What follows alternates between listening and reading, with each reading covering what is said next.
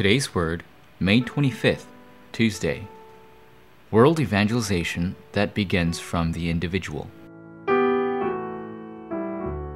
Philippians chapter 1, verse 1 through 5.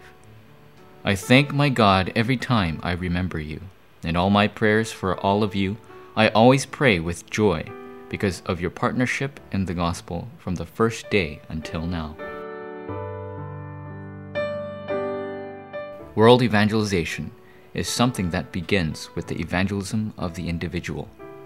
Without changes in the individual, there's no world evangelization. First of all, it is most important for the individual to be changed by the gospel. However, most people find personal prayer to be the most difficult thing to do. If personal prayer is not taking place, then we cannot receive specific answers even though we work hard and know the gospel. We will also shake every time we face problems. How must we start in order to have the gospel heal us and receive answers? Number one, we must heal our lifestyles first. Preparing our lifestyle is what we must do first, because this is a problem area. First, we must heal our lifestyle of prayer.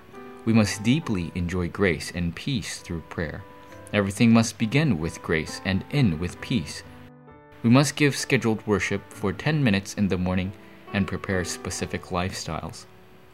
We must also deeply meditate upon our daily schedule for 10 minutes. Next, we should pray for the filling of the Holy Spirit in our own way. Secondly, we must heal the lifestyle of our daily lives. Among the things we do daily exercise is the most important. Thirdly, we must heal our financial lifestyle. In particular, plan the use of even the smallest sum of money and put it into action, plans for offering. Number two, record four things. We must leave behind records of four things throughout our lifetimes. First, we must leave behind a prayer notebook. We must discover today's prayer, word, and evangelism and record it every day. Second, we must leave behind an evangelism notebook. From now on, we must make detailed plans according to our schedules, put small things into action, and record them. Third, we must leave behind a disciple notebook. From now on, we must find and write about evangelism disciples as we act as guardians for them. Fourth, we must leave behind an offering notebook.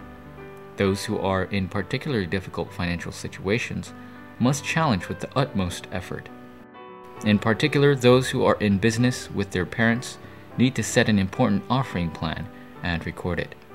This is a great inheritance that we can leave behind for our children and our descendants.